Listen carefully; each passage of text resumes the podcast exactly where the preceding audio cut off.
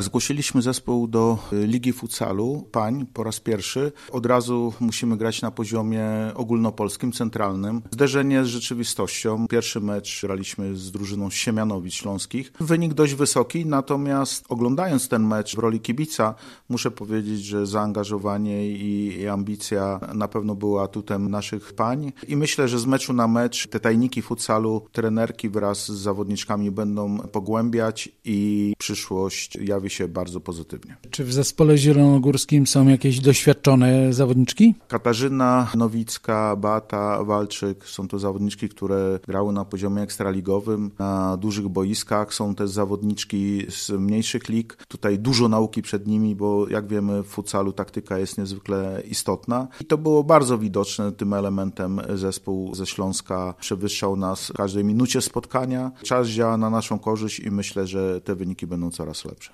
Kolejne spotkanie rozegramy na początku grudnia. To jest taka liga, że, że często są prośby o przełożenie spotkań, więc w listopadzie już prawdopodobnie żadnego spotkania nie rozegramy, co nas bardzo cieszy, bo to nam da czas właśnie na poznawanie tajników halowej odmiany piłki nożnej. 3 grudnia tutaj na naszej hali zmierzymy się z następnym zespołem śląskim, bo trzeba powiedzieć, że, że ta liga składa się głównie z zespołów ze Śląska oraz tutaj naszej drużyny, która jest bezwzględnym Beniaminkiem tych rozgrywek.